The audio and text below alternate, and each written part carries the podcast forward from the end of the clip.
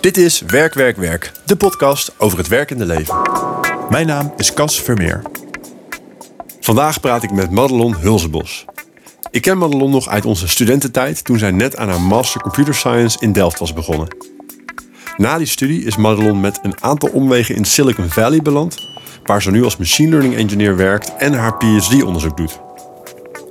Madelon vertelt hoe ze kansen voor zichzelf creëert door soms wat risico te nemen in haar carrière. En ook gaan we in op de verschillen in de werkcultuur tussen Nederland en Amerika. Tot slot bespreken we Madelon's stip op de horizon: professor worden.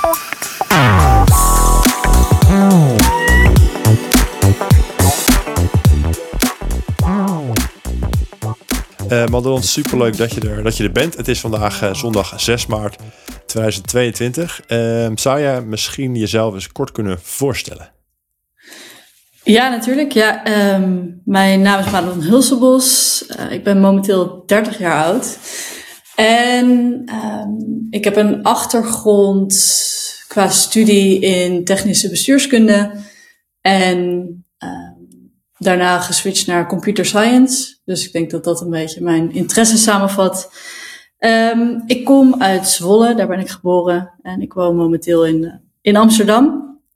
Terwijl ik nu werk in uh, San Francisco. Ik denk dat dat uh, korte samenvatting van de wereld. Cool. En, ja. en je, je zei net, je studie was in eerste instantie bij technische bedrijfskunde, later computer science. Kun je ook een, een soort, uh, in ieder geval nu even in het kort, dan gaan we er straks wat dieper op in, toelichten wat jouw stappen zijn geweest, zeg maar, sinds het afstuderen totdat je nu ja, in je huidige functie is en, en wat die huidige functie dan is. Ja, zeker. Dus um, sinds mijn afstuderen ben ik eerst een paar maanden naar uh, Boston geweest. Uh, heb ik onderzoek gedaan bij uh, MIT. Uh, dat was ook, ja, dat is meer in de richting van artificial intelligence, maar ook, ja, eigenlijk op het raakvlak met databases. En toen dacht ik toch van, ik vind het heel erg interessant om echt directe toepassingen te zien van je werk. Dus toen ben ik eigenlijk teruggestapt de industrie in. Um, en toen ben ik begonnen als data scientist bij KPN. Vervolgens, na een jaartje ongeveer, uh, als data scientist verder gegaan bij Heineken. En ik merkte toen eigenlijk van, ja, ik vind het heel erg leuk om ook een beetje vernieuwende dingen uit te zoeken. Dus toen ben ik toch weer teruggegaan naar uh, het onderzoekswereld. En eerst ben ik begonnen met een internship in, ja, in San Francisco, dus bij Sigma Computing. Um, terwijl ik een PhD doe bij de Universiteit van Amsterdam. Dus ik, ik, ja, ik zit nu een beetje tussen die PhD in bij de UvA en uh, het onderzoekswerk bij, uh, bij Sigma Computing. Dus dat combineer ik een beetje. En dat is uh, best interessant om te doen. niet heel conventioneel, maar wel heel erg leuk en uitdagend. En wat bedoel je dan met, met combineren? Want, want bij de UvA is je PhD en is Sigma dan een soort van de sponsor van jouw PhD of, of zit het wat anders? Ja, dus onofficieel denk ik dat het daarop neerkomt. Um, dus ik, ik doe eigenlijk onderzoekswerk voor Sigma. En dat, ja, een paar van die onderzoeksresultaten gebruik ik eigenlijk voor mijn PhD uh, bij de Universiteit van Amsterdam. En daar was ik al mee begonnen toen ik nog bij Heineken zat ook, met die PhD. Dus ik, ik heb eigenlijk elke keer weer een soort van andere, ja, soort van sponsor uh, op onofficiële manieren. Nou, dus het zijn officieel wel twee losse trajecten, zeg maar. Je werkzaamheden bij Sigma en je PhD, die zijn officieel niet uh, één, één traject. Correct, ja, exact. Ja. Nou, en, en kun je uh, toelichten wat Sigma Computing voor, voor bedrijven is? Wat, wat doen zij en hoe groot is het ongeveer? Zeker, dat is een, ja, ze noemen dat dan een start-up, maar ik weet nooit zo goed wanneer iets nou een start-up is. Een start-up, ja. ja. precies. Dus het is een, het is een softwarebedrijf uh, van ongeveer 200 medewerkers nu. Um, en zij, zij hebben producten die een beetje lijken op Power BI. Dus dat zijn ja, business intelligence tools die eigenlijk het analyseren van data mogelijk maken. En wat Sigma dan specifiek doet, is dat zij dit op hele grote schaal doen. Dus waarbij, waarbij je bijvoorbeeld Excel of Power BI met redelijk kleinere datasets aan het werk bent, um, bouwen zij eigenlijk producten gewoon direct op bijvoorbeeld je Snowflake database. En daardoor is het super schaalbaar. Dus je, je bent in één keer ben je gewoon 2 miljoen rijen bijvoorbeeld aan het analyseren op echt een hele hoge snelheid. Dus dat is best wel gaaf. En, en zou je een voorbeeld kunnen geven van een toepassing waarin dat dan echt belangrijk is, dat je die snelheid echt nodig hebt? Ja, zeker. Dus je hebt uh, heel veel bedrijven die echt ja, terabytes aan, aan data verzamelen. Uh, misschien wel op, op dagelijks niveau, maar waarschijnlijk meer wekelijks. Uh, nou, als je daar dus bepaalde aggregaties van wil doen, dus de som wil berekenen bijvoorbeeld, van, ja. nou, weet ik veel, sales bijvoorbeeld, salesnummers. Uh, ja, als je dat over al die rijen wil doen, dan wil je wel dat je, dat je berekening accuraat is en over al die 2 miljoen rijen is berekend in plaats van over een snapshot. Weet je wel, want dan heb je nooit een heel accuraat uh, idee daarvan. Dus daar, voor dat soort berekeningen loont dat. En als je bijvoorbeeld je, je ja, bedrijfs-KPI's aan het analyseren bent, dan wil je wel gewoon de complete dataset hebben daarvoor. Ja, en daarvoor ja, kan ik me voorstellen dat uh, de klanten ook niet uh, de slager om de hoek zijn in San Francisco, maar meer grote bedrijven die echt nou ja, significante data binnentrekken. Ja, absoluut. Ja, dat, dat, zijn vrij moderne bedrijven ook, die heel erg data gedreven zijn. Klopt. Ja. ja, interessant. Ik heb wel eens een keertje met iemand gesproken die bijvoorbeeld met data van Albert Heijn, geloof ik, werkt. En die wil gewoon echt alle kassa data. Dus elke, elke keer dat je zo bliep hoort bij de Albert Heijn, dan is er weer een nieuw datapuntje bij. En dan kan ik me wel voorstellen dat je dan voor alle Albert Heijn in Nederland tegelijkertijd inderdaad wel vele, vele, vele miljoenen datapuntjes per dag misschien zelfs al opbouwt. Klopt. En het is echt bijzonder dat, dat eigenlijk heel veel analisten gewoon met Excel werken bijvoorbeeld. Dus heel veel finance analisten, die hebben echt gigantische draden aan Excels liggen. En ja, dat is ja, heel inaccuraat eigenlijk vaak. Omdat je niet al je gegevens uh, paraat hebt. En dat is zonde. Ja, Je wil natuurlijk inderdaad ook een kassaslag meenemen. Ja, dus die moeten dan eigenlijk allemaal klant worden bij Sigma. Eigenlijk wel, ja. Ja, zeker. Kijk, dan eens meteen even reclame aanmaken. Heel goed. um, en en um, uh, jouw functie bij, bij Sigma, ja, researcher, kun je um, ja, ons meenemen? We zijn niet allemaal natuurlijk uh, into de quantum computing, maar een beetje meenemen in, in wat dan ongeveer jouw onderzoek uh, voor hun inhoudt? Ja, zeker. Dus um, nou, eigenlijk is het redelijk basic. Wat ik probeer te doen is, stel je hebt een, een tabel ergens staan in een Excel-sheet. Ik probeer eigenlijk middels machine learning, um, dus eigenlijk een, een algoritme dat van heel veel data leert, probeer ik te begrijpen wat er in die tabel staat. Dus bijvoorbeeld als we het hebben over de, de kassen bij de Albert Heijn, probeer ik te achterhalen, um, automatisch natuurlijk, dat ja, dat die tabel over, uh, over ja, kassabonnetjes gaat bijvoorbeeld. Ja. En ook weer dat elke, elke ja, rij eigenlijk dan één klant of één klant per moment is. En als je dat weet, dus als je weet waar een tabel over gaat, dan kun je bijvoorbeeld weer uh, ja, bepaalde relevante analyses voorspellen. Dus dan krijg je eigenlijk een beetje een recommendation system. Die zegt van hey, ik zie dat jij een tabel van kassa-aanslagen aan het analyseren bent. Misschien is deze visualisatie daar interessant voor. Weet je, dus we proberen echt, eigenlijk Vet. kun je dit gebruiken om een soort van intelligence in te bouwen in dit soort uh, ja, BI-tools. Dus bijvoorbeeld Power BI, et cetera. Ja. Dus dat is wat ik, wat ik doe.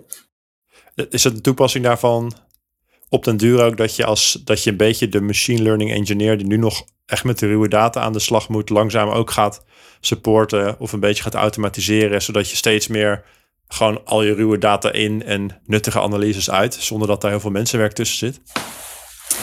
Ja, Cas, je, je moet eigenlijk misschien een strategisch uh, adviseur worden van Sigma. Want nee, dat klopt. Dat is precies uh, welke kant we natuurlijk een beetje op willen. Um, dus we zijn eigenlijk wat we proberen te doen is om, om data science teams, die nu nog nodig zijn inderdaad om bepaalde analyses te maken of bepaalde modellen te trainen. Eigenlijk willen we zeggen, oké, wij weten wat er in jouw database zit, welke tabellen en welke data je hebt. Dit zijn de interessante analyses of uh, machine learning modellen die je kunt trainen op jouw oh, dataset. De hele het soort van, wat, wat nu vaak een soort van consulting stap is, die kun je dan eigenlijk meer automatiseren. Exact, ja. Zodat, en, en, dat is eigenlijk heel jammer, want die data science teams die zijn vaak zo occupied, die hebben zo, zo weinig capaciteit. Um, en, en terwijl heel veel ja, andere business departments heel veel vragen hebben en heel graag een nou, redelijk simpele analyse misschien nodig hebben. Maar ja, daar zijn die data science teams dan uh, onder bezet in. Dus nou, dan kunnen ze dus uh, Sigma gebruiken om, om dat soort aanbevelingen dan te krijgen en analyses automatisch te laten ja, onttrekken. Nou, dan, dan, haal je een beetje de, de, de bottleneck weg, zeg maar, bij, de, bij die kleine uh, data science teams. Klopt, ja. Dus ik maak eigenlijk mijn, mijn voormalige rol, probeer ik uh, redundant te maken. ja. ja, ja, ja. Nice. Nou, dan ben je, bent, als je het zelf hebt gedaan, dan ben je waarschijnlijk de, de beste persoon die daartoe in staat is. Um, dat is super interessant en ook een heel gaaf, uh, gaaf of in ieder geval, ik vind dat persoonlijk een heel interessante, uh, hoe noem je dat, uh, werkveld. Um, ik, ik was benieuwd of je ooit jouw eerste, allereerste baantje, of je daar wat over kan vertellen en of dat ook al, was je dan ook al met de computer bezig? Bedoel je mijn allereerste baan na mijn afstuderen? Of? Eigenlijk je allereerste baantje waar je voor betaald hebt gekregen. Mijn allereerste baan waar ik uh, betaald voor heb gekregen, dat is bij Laplace geweest. Dus toen heb ik helemaal niks met computers gedaan. Ja, toen zat ik eigenlijk achter een kassasysteem. Nice, om uh, je data aan het maken. ik was data aan het genereren, klopt. Ja, ik, um, ik heb toen in de, bij de serviceafdeling van Laplace uh, gezeten. Uh, waarbij ik inderdaad achter de kassa stond en cappuccino's uh, serveerde eigenlijk. Heel erg leuk ook hoor. Ja, toen was ik 14. Ja? Hoe, hoe, oud was je? Ja. 14. 14. Ja, goede tijd. nog, nou, heb je er nog iets van geleerd, denk je, wat je toch nog meeneemt nu? Ook al is het een, uh, dan natuurlijk een soort van baantje voor de bij.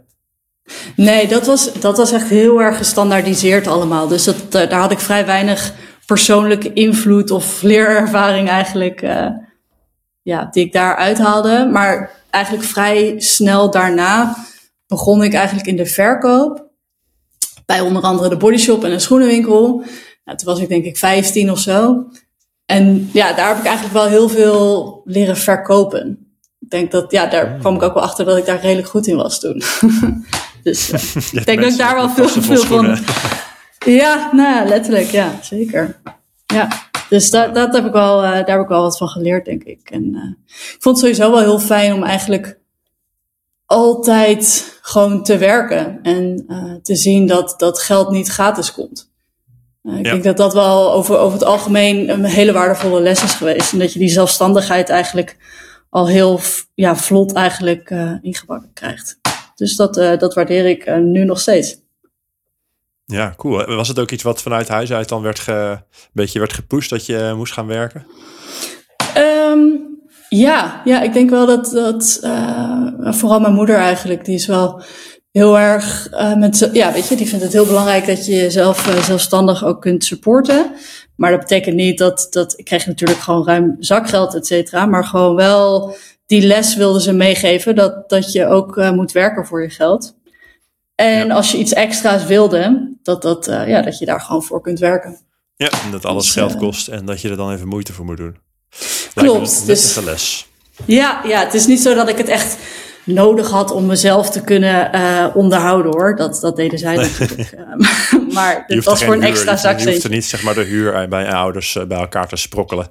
Nee, zeker niet. En ze hebben me ook altijd heel erg gesupport met studies en uh, huisvesting en zo. Maar voor een extraatje uh, werkte ik altijd. Ja. Cool. En, en uh, toen was je dus nou, 14, 15 op een gegeven moment. Uh, nu ben je een heel eindje later in deze ehm, tak van sport terechtgekomen.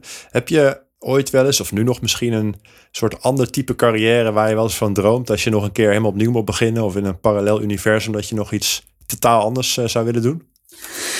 Zeker. En nou, weet je wat het is? Ik denk niet eens dat dat uh, onmogelijk is of een soort van gemiste opportunity. Want ja, we worden nu eigenlijk zo oud dat ik misschien zelfs nog wel een soort van tweede carrière uh, op een gegeven moment wil uh, starten met een nieuwe studie.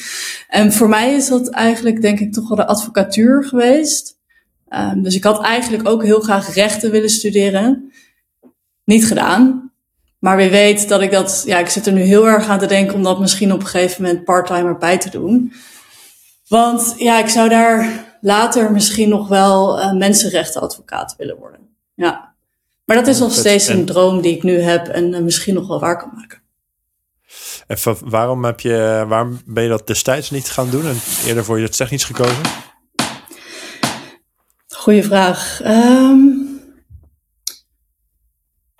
ik denk dat dat eigenlijk gemotiveerd is vanuit um, een baankans ook. Dus binnen de technische hoek op dat moment was, ja, was gewoon een hele grote baankans.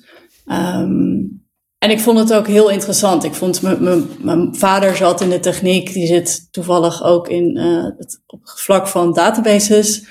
Mijn broer zat ook heel erg in de technische hoek. Dus ik, ik had daar best wel veel affiniteit daardoor mee. Um, maar tegelijkertijd is een rechtenstudie is ontzettend veel leren. En heel erg in je hoofd stampen. En ik denk dat ik op dat moment daar niet heel veel tijd voor uh, had gehad. Omdat je natuurlijk ook heel veel afleiding hebt vanuit een studentenleven. Dus ik denk dat het op dat moment, ja, was het een keuze. Ga ik nu echt vol dat stampwerk doen? Of kies ik iets waar ik nu op dit moment affiniteit mee heb? Ja. En dat heb ik gedaan, dat laatste. En, en ben je nu nog blij met die keuze of zou je het liever andersom gedaan hebben? Ik ben heel erg blij met die keuze. Ja, ik vind het hartstikke leuk wat ik nu doe. Um, maar ik vind het wel lastiger om te zien wat mijn eindpunt is. Omdat het, ja, het, het veld van machine learning en artificial intelligence en zo, dat is best wel nieuw. Ja. En ik, het is soms lastig om te zien van ja, wat, wat doe je dan over 20 jaar bijvoorbeeld. En met een studie rechten bijvoorbeeld heb, je, heb je veel beter echt een carrièrepad van begin tot het einde. Ja, dus dus dat vind ik wel lastig. in de in, in machine learning eigenlijk niemand weet wat er over 20 jaar gebeurt.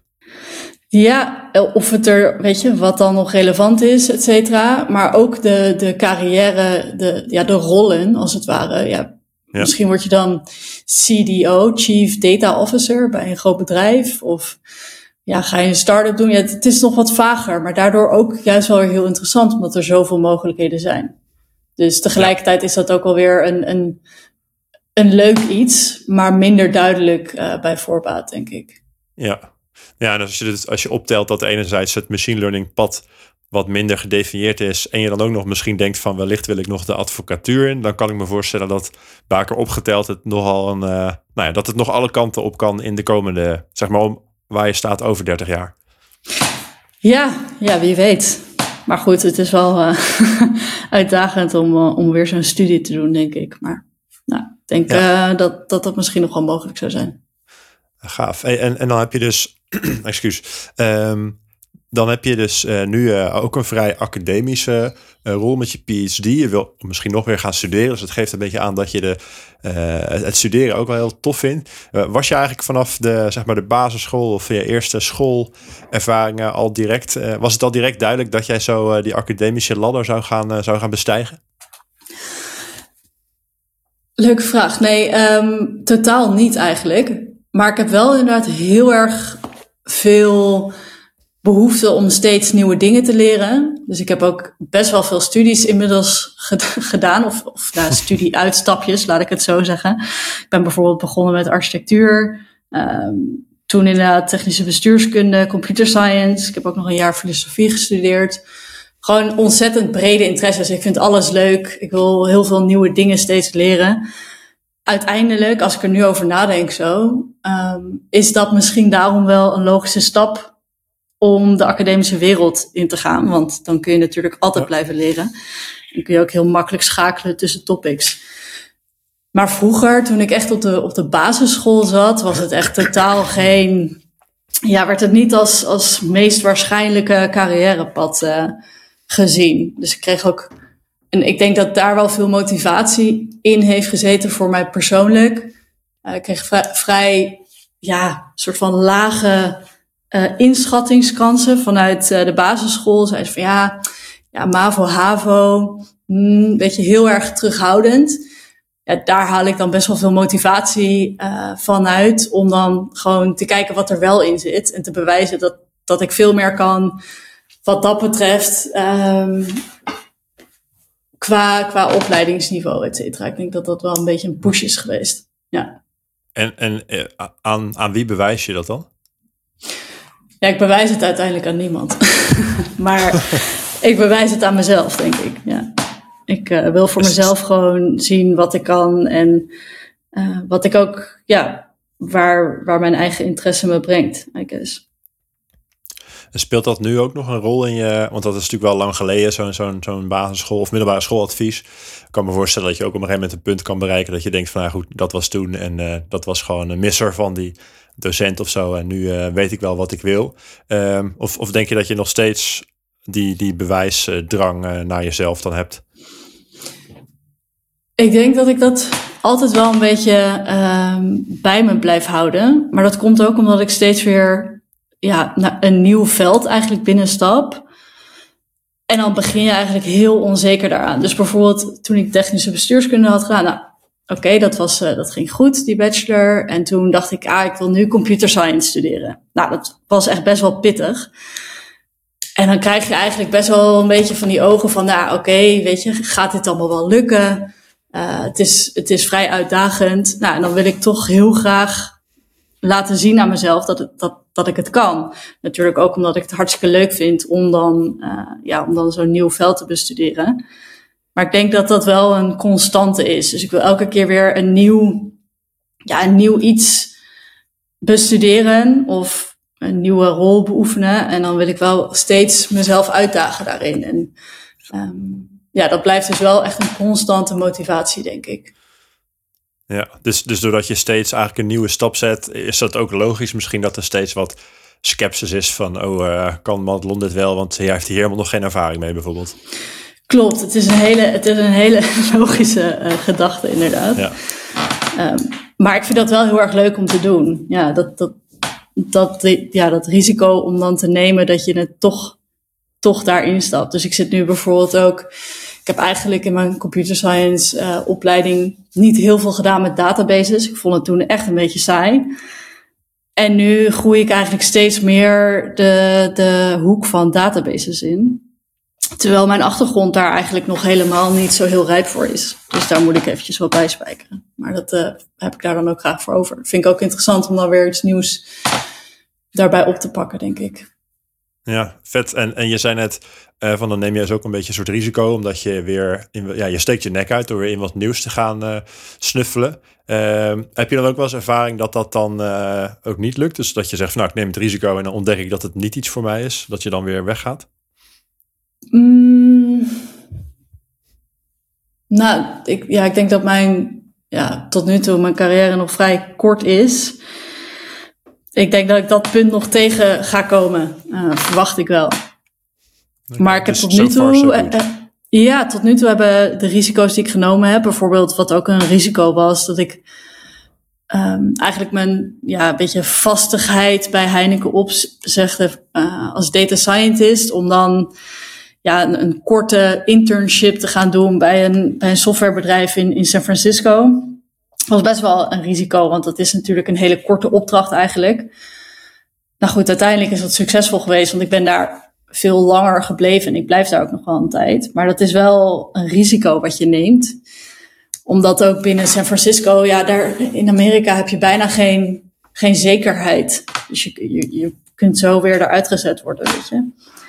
Ja. Dus ik denk dat dat wel. Maar goed, die, die stap heeft zich ontzettend goed uitbetaald. Dus uh, daar ben ik echt tevreden nog over.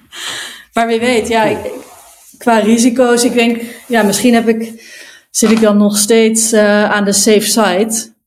Want ik denk, als je echt risico, ja, als, als je echt risico, veel risico neemt, dan zal dat op een gegeven moment ook uh, de andere kant op moeten vallen, denk ik.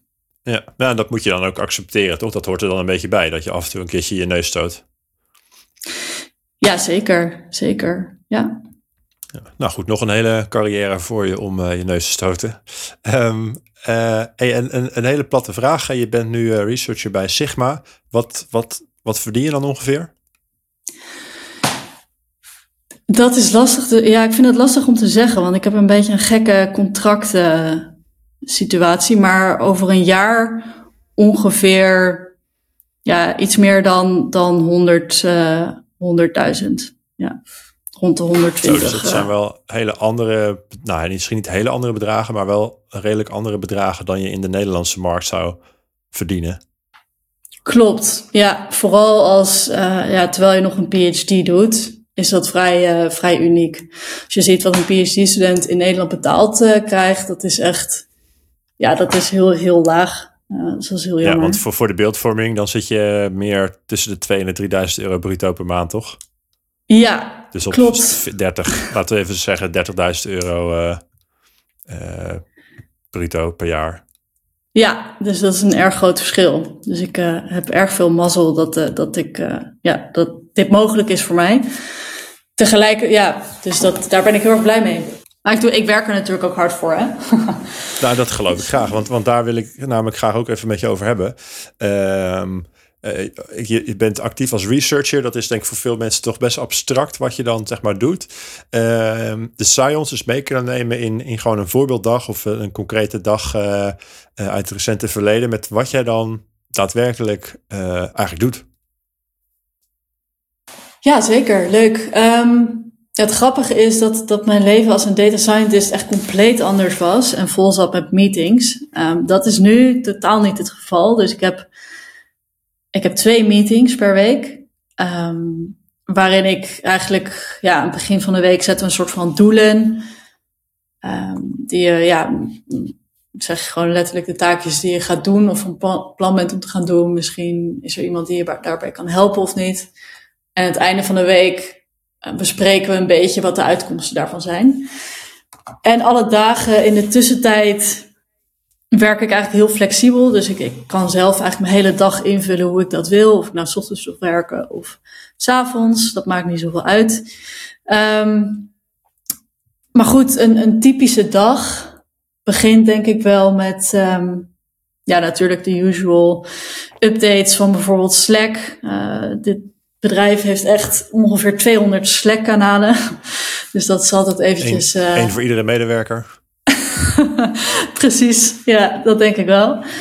Nee, dus dat, uh, daar moet ik altijd eventjes uh, even mee updaten. Want eigenlijk heel veel mensen werken nu remote. Dus dat, dat ja, ja. Slack loopt vrij vol. Nou, e-mail Ook checken, in Amerika dat soort dingen. je? Ja, ja, dus we werken veel, veel thuis eigenlijk nog steeds. Dus ja, er, werd veel, er wordt heel veel via Slack gecommuniceerd. Um, en dan kijk ik ook bijvoorbeeld, we zijn nu met de integratie bezig van een bepaald project. En dan kijk ik even, ja, iedereen stuurt gewoon zijn updates eigenlijk daar, daar overheen. En dan kijk ik of ik daarvoor iets kan betekenen op de korte termijn. Dus is er iets wat ik vandaag even snel kan doen om hen verder te helpen of vragen te beantwoorden. En als ik daarmee klaar ben, vaak is, dat, is, is daar helemaal niks voor nodig. Um, dan ga ik eigenlijk aan mijn eigen werk, dus mijn onderzoek.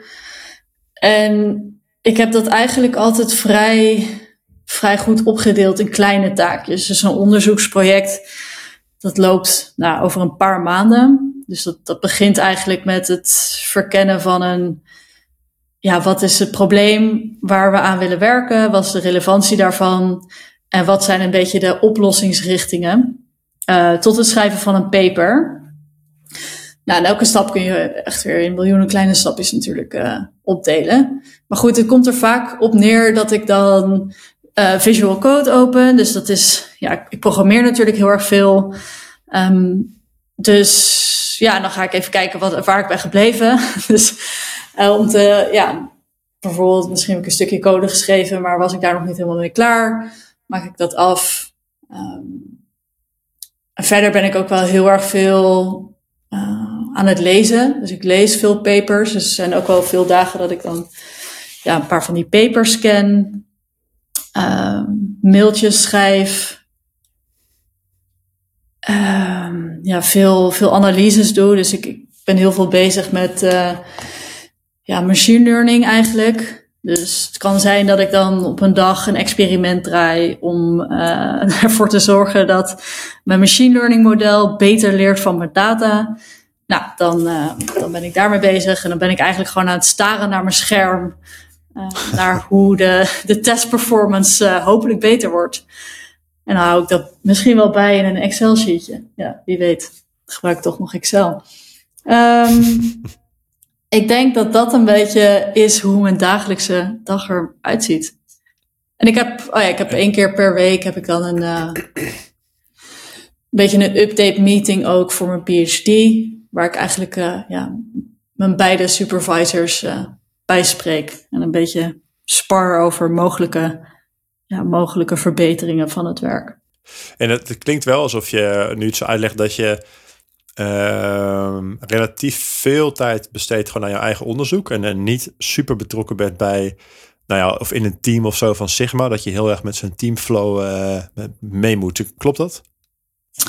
Klopt. Ons, ja, ik zit namelijk in een onderzoeksteam. Dus uh, ik heb wel veel, nou nu momenteel niet, maar ik heb hiervoor wel aan een project gewerkt waar ik heel veel voor heb samengewerkt. En dat was wel een onderzoeksproject, dus dat staat inderdaad vrij los van de ja, daily business van Sigma. Ja. Maar daar heb ik wel veel met een, met een collega uh, onderzoekster uh, veel samengewerkt en gebeld. Uh, ja, zaten er ergens bugs in en die kreeg ze er niet uit. En dan hielp ik haar daarmee bijvoorbeeld. Of ja. gaf ik toelichting hoe dat dan beter kon en zo. Merk je dan, je hebt natuurlijk ook in de commerciële wereld ge, gewerkt en daar nou, kan het soms, mensen klagen wel eens over dat het een beetje een soort van red race kan zijn van de, deadlines, je hebt altijd tijd tekort, iedereen is de hele dag druk, druk, druk. Uh, bij onderzoek zou je kunnen stellen van, is het misschien soms minder een soort van urgent, van het moet allemaal gisteren af, want er is een boze klant. Merk je dat ook in, in, in hoe jullie werken versus hoe je eerder werkte bij die commerciële partijen? Of in ieder geval, dit is ook een commerciële partij, maar in een commerciële rol?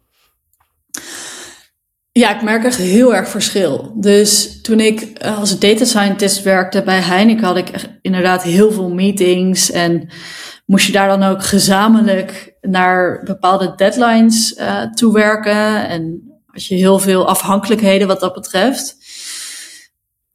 En nu heb ik inderdaad, ja, doe ik heel onafhankelijk eigenlijk mijn werk. En is het, is de, de cadens eigenlijk van wanneer het druk is en wanneer het rustig is, hangt heel erg rondom een deadline voor een conferentie. Dus wij doen dan een onderzoeksproject.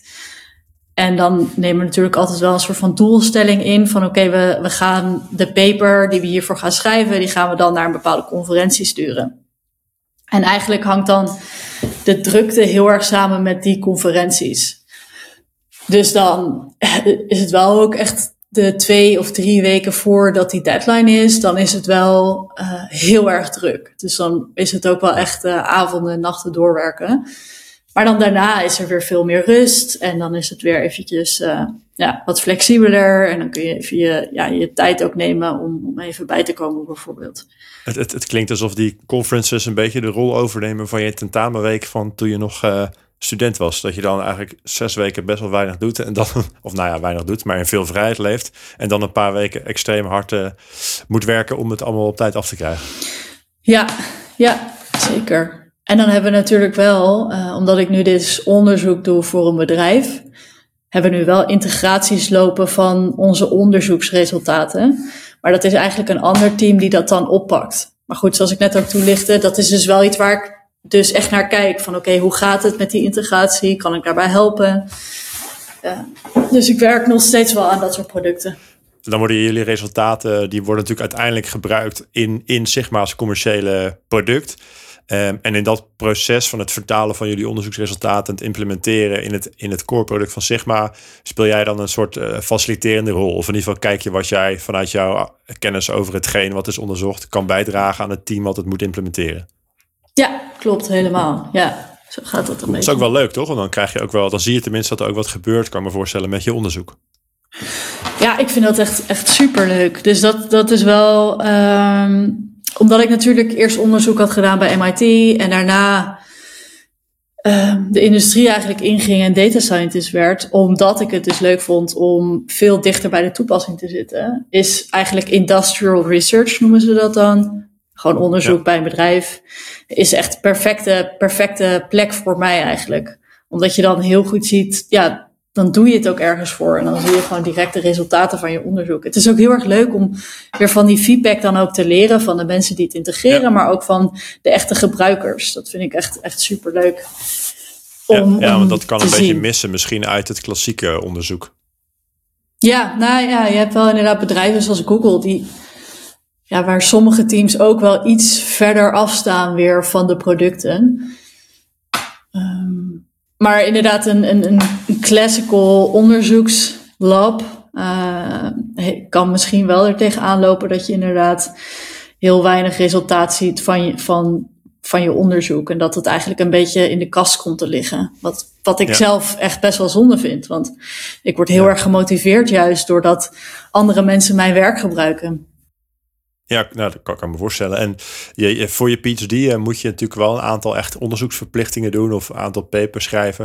Um, kun je er iets van toelichten? Van wat, wat zijn de vereisten om je PhD succesvol af te ronden en hoe ver ben je daar nu mee?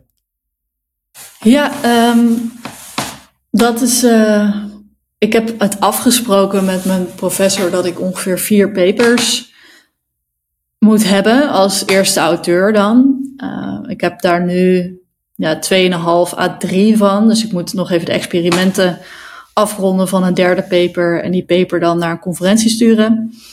En dan moet ik nog één, één project, één paper eigenlijk uh, doen. En dan zou ik als het goed is klaar moeten zijn. Maar goed, uh, het gaat allemaal een beetje informeel. Dus ik weet niet 100% zeker of ik dan aan alle vereisten doe. Dus daar ben ik ook een beetje achteraan aan het gaan op het moment om dat uit te zoeken. Ja, en dat gaat best wel snel dan toch? Want je, je zit nu volgens mij tien maanden bij Sigma. Je zei wel dat je al eerder was begonnen met je PhD. Hoe lang, hoe lang ben je nu bezig? Ik uh, ben in september 2020 begonnen. Dus ik verwacht dat ik ongeveer oh ja. met de, ja, tussen 2,5 en 3 jaar bezig ben hiermee. Maar er staat normaal vier jaar voor toch, een PhD. Dus dan heb je het al een heel stuk sneller gedaan. Klopt. En ik denk dat dat ook wel deels ja, ik, ik heb best wel efficiënt gewerkt. Ik heb ook één project wat ik meeneem wel vanuit MIT. Ja, oh ja. En dat, dat is dus wel een, een uh, ja, dat, dat, dat maakt het ook wel efficiënter, denk ik.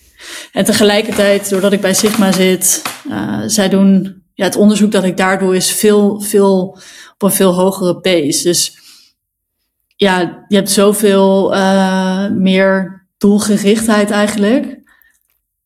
Uh, en ook samenwerkingen bijvoorbeeld, waardoor dingen gewoon net iets sneller gaan.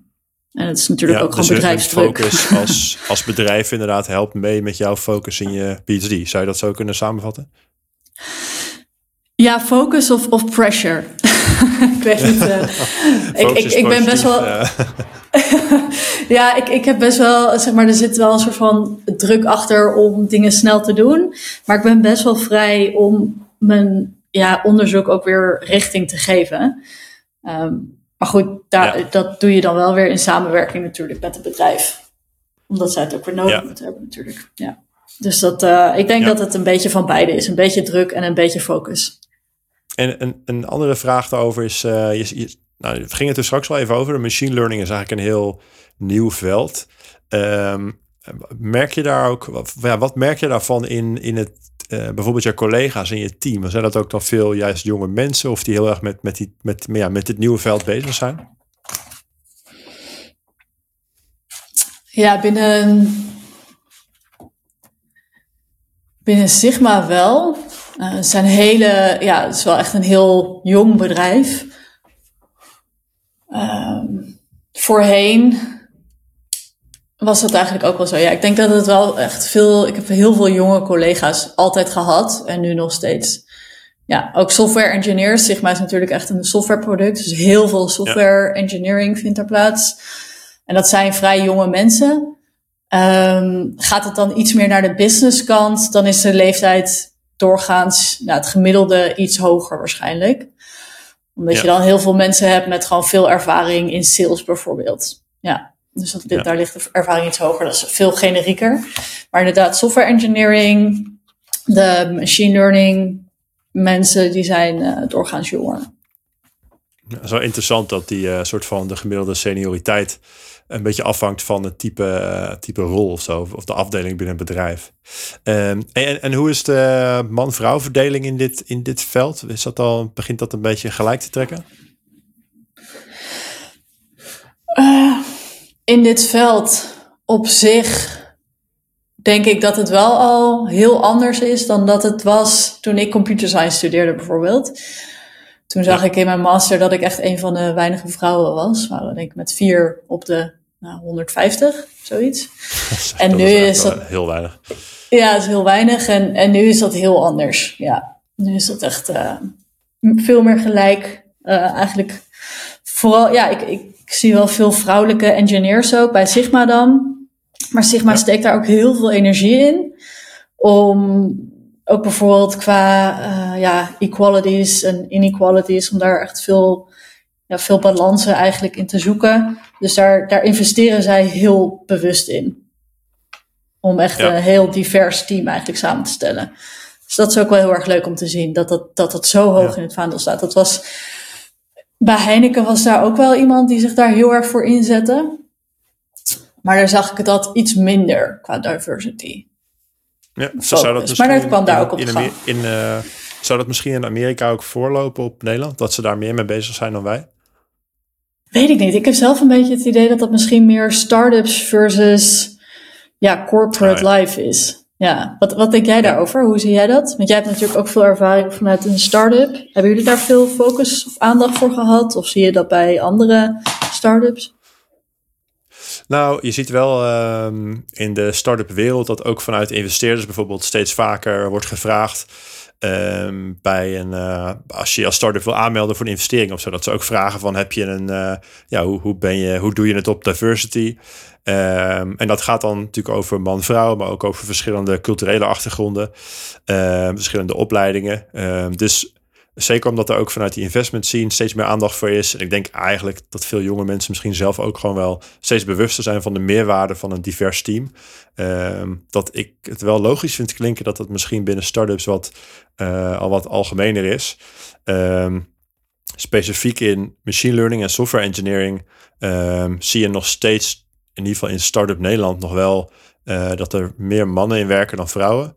Um, en, dat, is, dat is denk ik deels omdat er nog steeds meer start-ups worden gestart door mannen. En dan wij mannen het dan toch makkelijk vinden om weer mannen aan te nemen. Uh, en anderzijds nog ook wel door een, een, nou, laten we zeggen, aanbodverschil. Dus uh, het vinden van engineers is echt super moeilijk. Uh, dus je moet daar enorm je best voor doen. Um, ja, dan, dan ben je soms al blij dat je überhaupt een kandidaat hebt die solliciteert. En dan is het best moeilijk om dan ook heel strikt te zijn op die diversity vraagstukken. Dus dat is nog wel een rem, denk ik, op de op die goede verdeling. Interessant. Ik wist helemaal niet. Uh, ik heb er nooit zo bij stilgestaan dat veel start-ups door mannen worden uh, gestart. Ja, dat is wel interessant. Ja, je ziet maar daar dus weet... ook wel echt een ontwikkeling hoor. Dat er wel veel meer uh, start-ups door vrouwen worden gestart. En er ook wat investeringsfondsen mee bezig zijn om daar ook specifiek support aan te leveren. Om te zorgen dat het ook meer gebeurt. Dus dat, dat denk ik wel een goede ontwikkeling. Ja, nou dat klinkt wel positief. En je, je hebt nu een, een rol die, uh, en een baan, als je het zo vertelt, die ook wel een soort van indrukwekkend klinkt. En, en de, nou ja, de negatieve vorm van indrukwekkend kan misschien ook zijn een beetje beangstigend als je dat moet gaan doen. Uh, het lijkt me best wel spannend om bij zo'n Amerikaanse San Francisco bedrijf uh, te beginnen die allemaal super moeilijke machine learning dingen doet. En dat klinkt ook als iets wat een beetje voor de allerslimste is weggelegd. Nou, blijkbaar uh, hoor jij tot die groep. Uh, heel gaaf. Uh, maar vond je dat, hoe heb je daar van, vooraf tegen aangekeken? Vond je dat spannend? Ja, ik denk wel. Ik vind het. Ik vond het sowieso heel erg spannend nou, om destijds computer science te gaan starten. Dat is toch wel, ik had daar echt, oh, die mensen zijn allemaal zo slim. En ik denk ook dat er heel veel um, mensen dat ook heel graag etaleren. Althans, zo merkte ik dat een beetje bij die studie mensen heel graag willen spreken over, uh, over allerlei moeilijke dingen. Dacht ik, oh, en ik weet dat allemaal niet. En daar werd ik altijd heel erg onzeker van aan het begin. Op een gegeven moment kom, ik er, kom je er steeds meer in en dan verdwijnt dat. En dan word je juist, uh, ja, krijg je een beetje vertrouwen in jezelf terug. Maar ik denk wel dat bij elke stap eigenlijk inderdaad ik ook denk van oké, dit is wel echt next level. Uh, kan ik dat wel? Uh, ja, daar word je soms uh, altijd wel weer een beetje onzeker van. Had ik ook bijvoorbeeld toen ik naar MIT ging, kwam ik daar in een super competitieve omgeving. Ja, dat is echt, die mensen die zijn ja, helemaal. Het is natuurlijk ook een, een, een, taalverschil. Dus het is nog wel. Ik kan in principe goed Engels, maar ja, die mensen zijn er natuurlijk. Ja, dat is gewoon hun native language. En dat is ook wel, wel weer. Uh, ja, ze, ze spreken zich ook iets makkelijker uit denk dat dat ook nog wel weer een verschil maakt. Maar ik vond het gewoon heel indrukwekkend, die omgeving. Als ik zie hoeveel ambitie die mensen daar hebben. En inderdaad, hoe, hoe intelligent ze zijn uh, op eigenlijk alle vlakken. Vond ik dat wel, ja, dat is natuurlijk eigenlijk de, de nummer één universiteit van de wereld.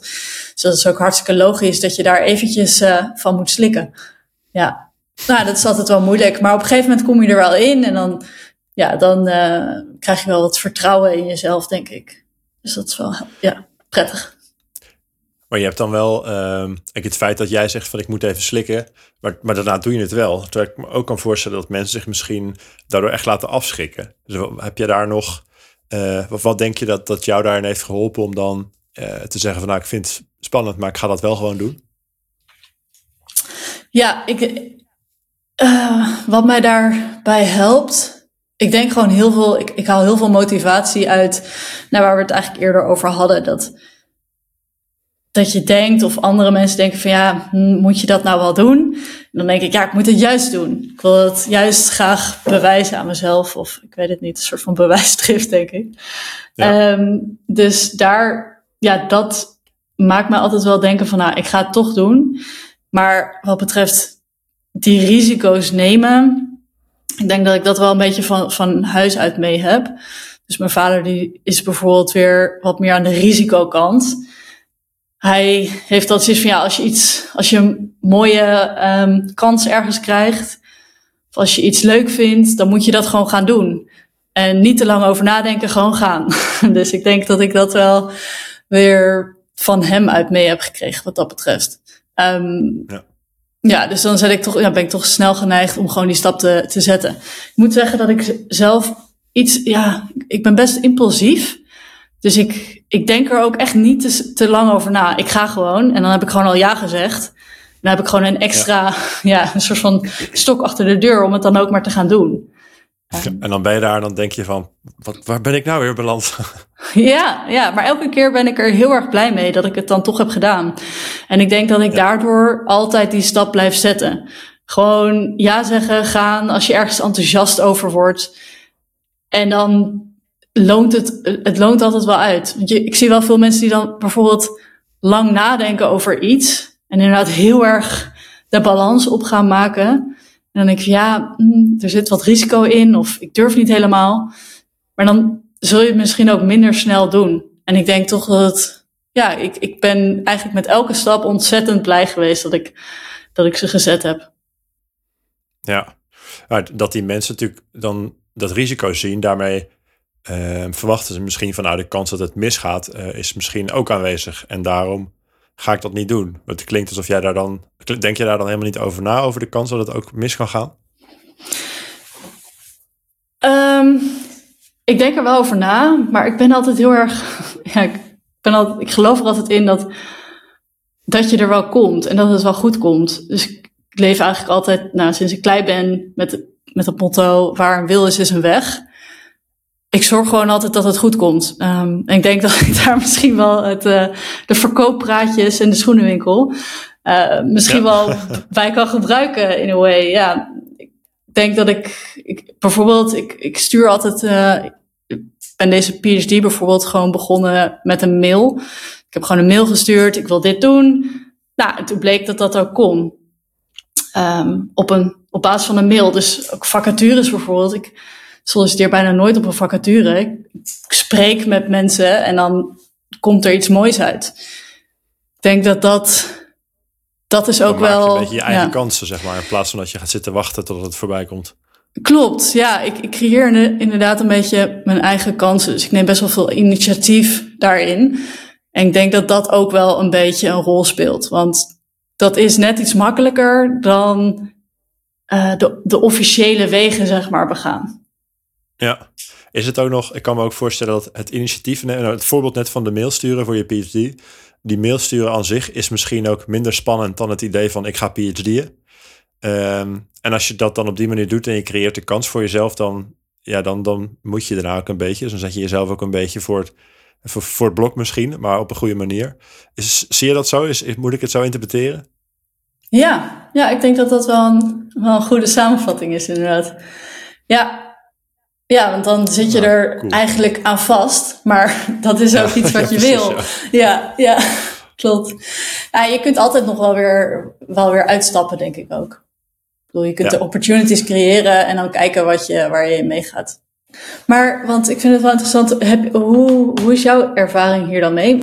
Nou, ik doe een beetje hetzelfde met name. En dat ligt eigenlijk niet echt aan het onderwerp. Dus of het nou voor werk is of een start-up of voor iets heel anders.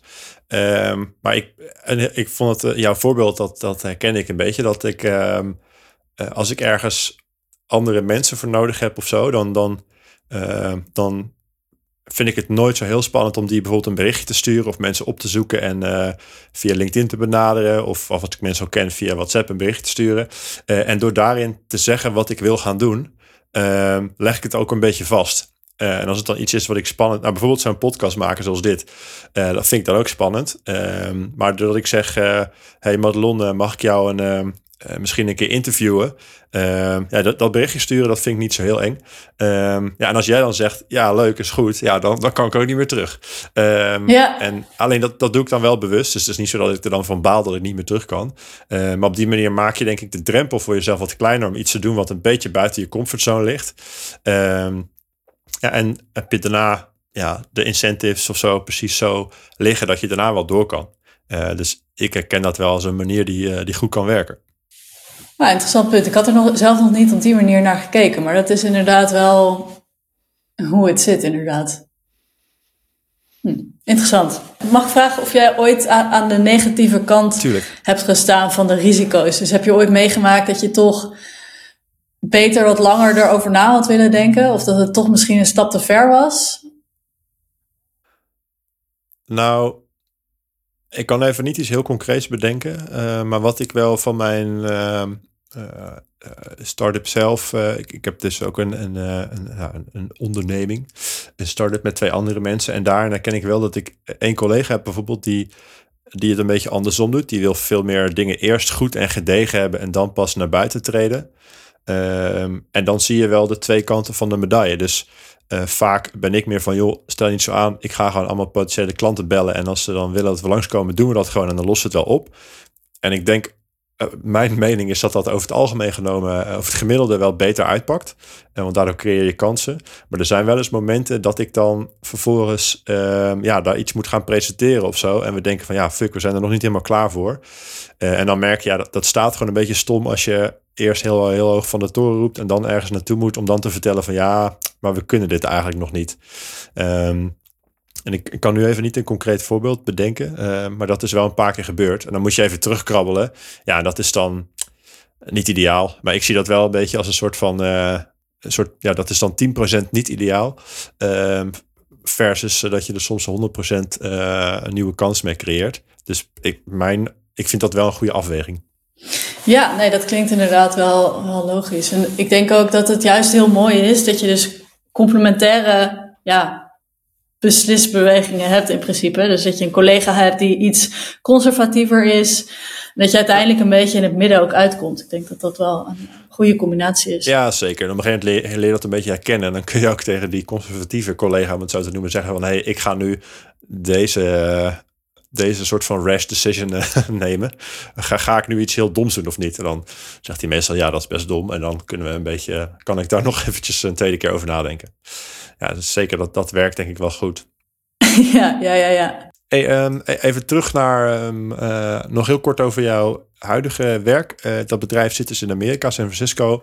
Um, ik was benieuwd, kun je iets vertellen over hoe het is om voor zo'n Amerikaanse partij te werken? Want ik kan mij enerzijds voorstellen, gewoon heel praktisch, met de tijdzones, dat dat best uitdaging kan zijn. Dus ik ben benieuwd hoe jij dat uh, ervaart. En anders ook of je echt in de cultuurverschillen ziet qua, qua werk in Nederland versus uh, in Amerika. Ja, goede vragen. Um, nou, wat betreft die tijdzones, dat is inderdaad best wel uitdagend om daarmee te beginnen. Ik heb wel geluk dat met een onderzoekspositie je eigenlijk vrij flexibel, uh, ja, flexibel schema hebt. Dus ik heb heel weinig meetings, zoals ik net zei. En ja, dan heb ik twee meetings die inderdaad in de avonden zitten. Dat is niet super. Vooral niet als het op een maandag en een vrijdag is. Dus wat ik heel vervelend vond, waar ik echt best wel veel last van heb gehad, is dat het aan het begin, toen ik echt die stage deed, toen hadden we elke vrijdagavond van 11 tot 12 een meeting. En dan ook op, ja, dan ook maandagavond had ik ook een meeting tot 9 of 10 uur. En dan heb je een heel kort weekend. En ja. omdat, ja, vaak werd, werkte ik ook, ik werk vaak ook wel in het weekend één dag. Um, of nou, in ieder geval een groot deel van de dag. En dan, ja, daar werd ik op een gegeven moment wel echt heel erg moe van. Gewoon echt moe. En dat was niet ideaal. Maar over het algemeen is het vrij flexibel. Dus wat de, de positieve kant ervan is, is dat ik nooit in de ochtend een meeting heb. Dus ik zet nooit een wekker bijvoorbeeld. Omdat ik gewoon wakker word op een vrij natuurlijk moment. En dan aan de dag hoef te beginnen. En dat vind ik heel prettig. Dat je niet elke, elke dag om negen uur een meeting hebt bijvoorbeeld. Dat vind ik dan weer en als fijn. We dat, dat, nog heel even dat tijdsaspect even helder uh, maken. Want eh, zeg maar, hoe laat sta je meestal op op een werkdag? Dus natuurlijk, op een natuurlijke manier? ik uh, sta denk ik op. Nou, soms heb ik een heel fijne flow dat ik heel vroeg op kan staan, maar meestal lukt dat niet. Ik denk dat ik rond acht uur, uh, tussen half acht en acht opsta ongeveer. Ja. En dan, dan, ga jij dus aan het werk. Nou, laten we even stellen dat je dan vanaf negen uur of zo echt gaat werken. Vanaf wanneer komen dan jouw Amerikaanse collega's uh, online? Ja, die, die komen nou, vanuit San Francisco komen die pas om zes uur online. Dus dat was ook even wennen, want zij gingen dan allemaal berichten sturen. En dan was, zat ik ah, in mijn avond. Dat is niet heel fijn. Uh, daar had ik best wel veel last van, want ik wilde toch heel erg responsief blijven. Nou, dat heb ik nu wel afgeleerd. Um, maar een beetje in de loop van de dag. Dus mijn manager bijvoorbeeld, die zit in Austin, in Texas. En hij is rond nou, twee, drie uur of zo. Uh, ja, begint hij met werken. Ja, dat is iets beter te doen dan, uh, dan vanuit de, de West Coast. Ja, ja dus dat, dat maakt het iets makkelijker inderdaad, qua tijdzones. Maar nu kan ik daar alweer veel beter mee op werken. Ja.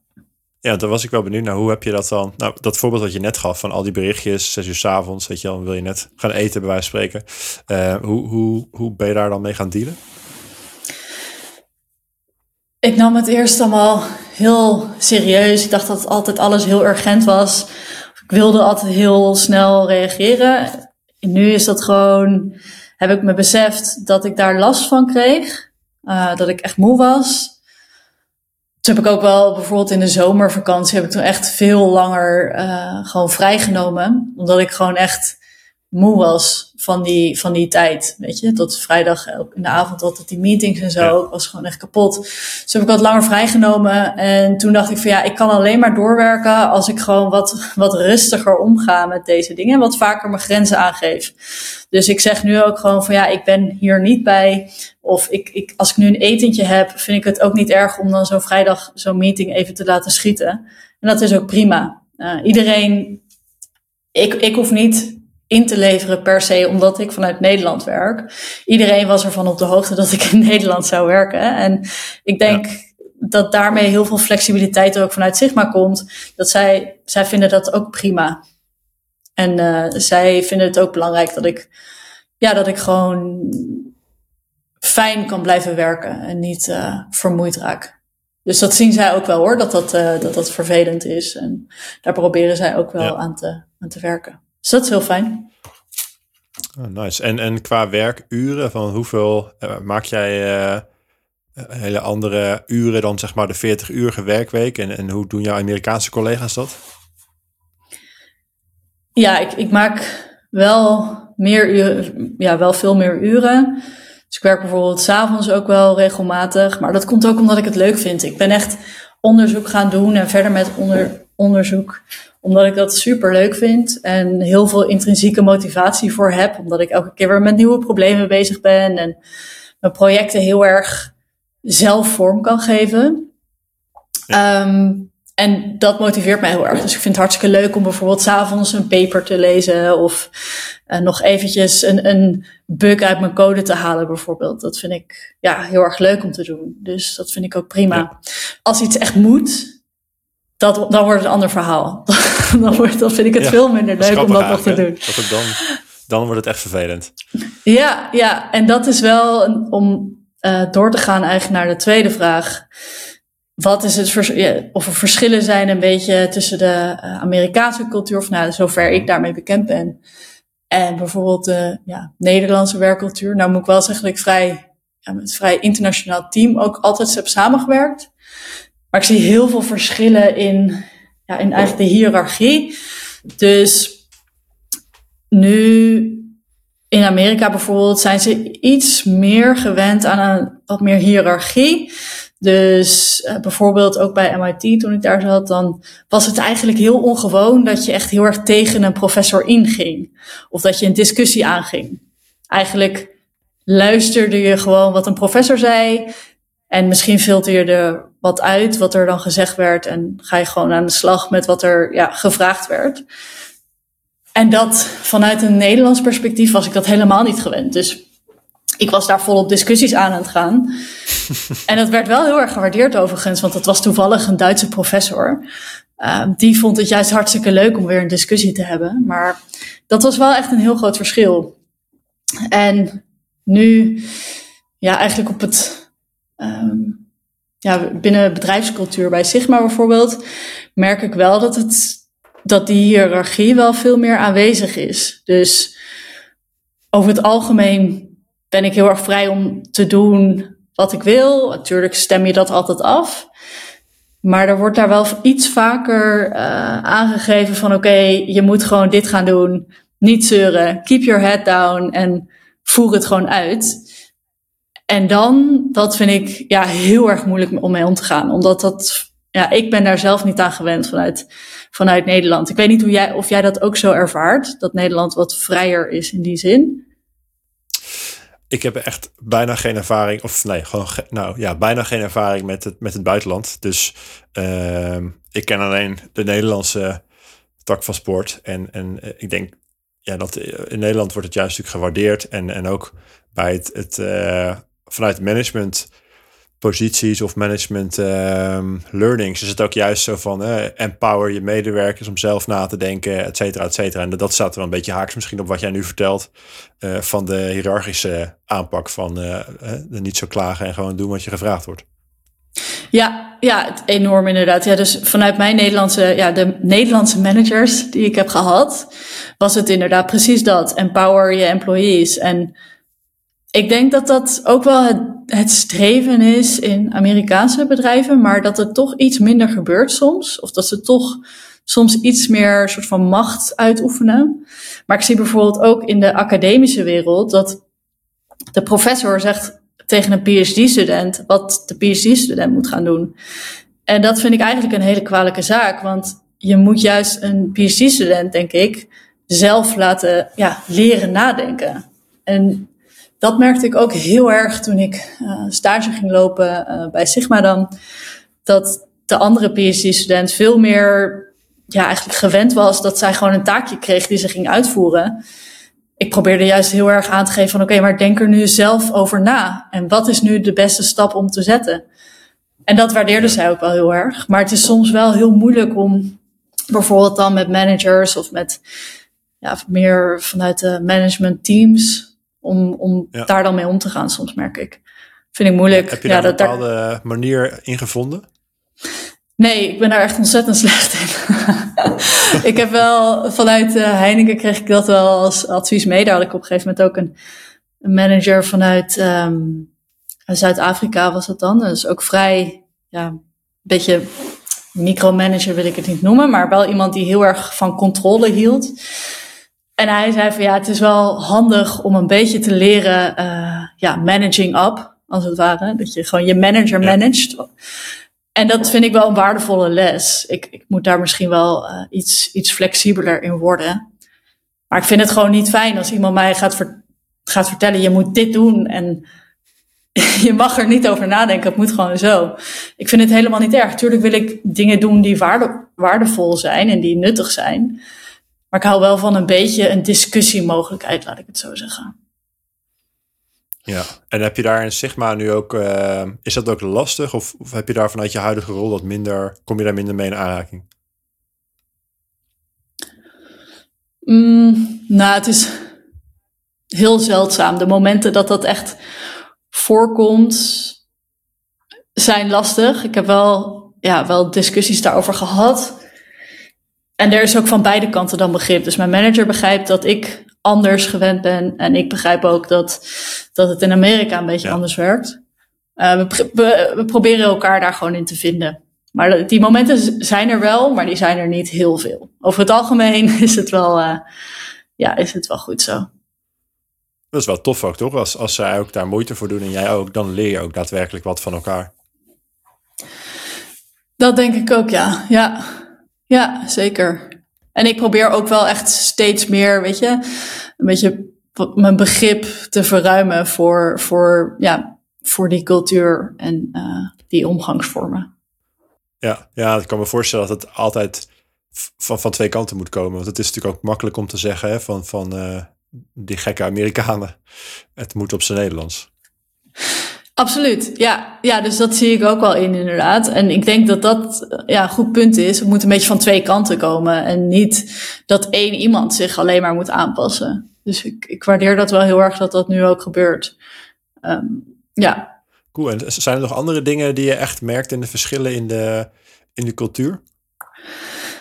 Nou, wat ik leuk vind um, aan de, ja, waar ik echt een groot verschil in zie met Nederland versus Amerika, is dat in Amerika eigenlijk het sociale leven en gewoon jouw persoon iets meer geïntegreerd zit in, in je werk eigenlijk, in je dagelijkse, in je dagelijkse werk. Dus ik, ik heb soms het idee in Nederland, maar misschien zijn dat ook meer de soort van corporate bedrijven, waarbij het heel graag gescheiden blijft. Dus waarbij je gewoon je sociale ik hebt, zeg maar, en je werk-ik.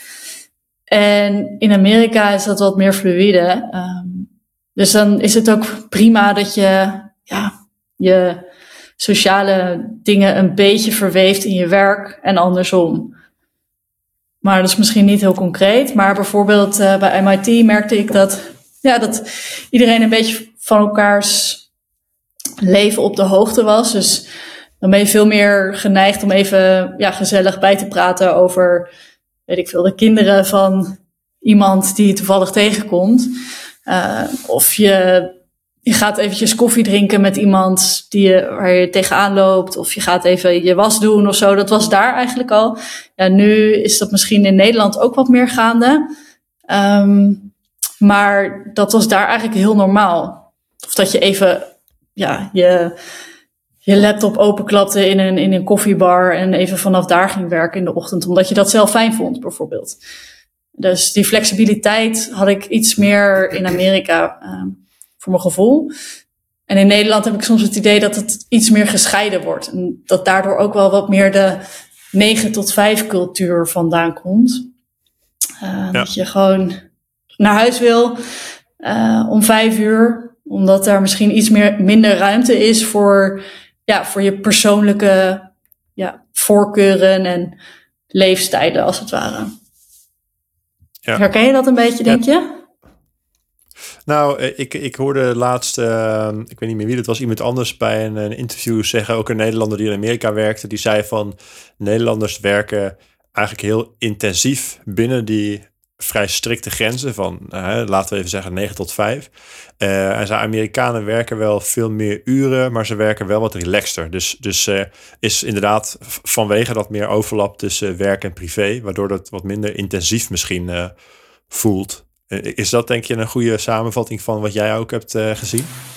Ja, ja, zeker. Ja, ja, nou, maar moet ik zelf. Ik denk dat het een beetje van het bedrijf afhangt of het ook echt intensief is, inderdaad, tussen 9 en 5. Ik hoor soms ook wel andere verhalen dat, uh, dat het ook niet zo intensief is binnen die tijd. Maar uh, ik denk dat dat wel een goede samenvatting is. En ik waardeer persoonlijk wel de wat meer relaxtere werkdruk, waarbij je dus alles een beetje kunt combineren ik, ik vind dat zelf misschien wel wat fijner, omdat ik het ook niet erg vind om bijvoorbeeld s'avonds te werken. Maar dan hou ik er wel heel erg van om dan overdag ook een beetje wat vrijer te zijn.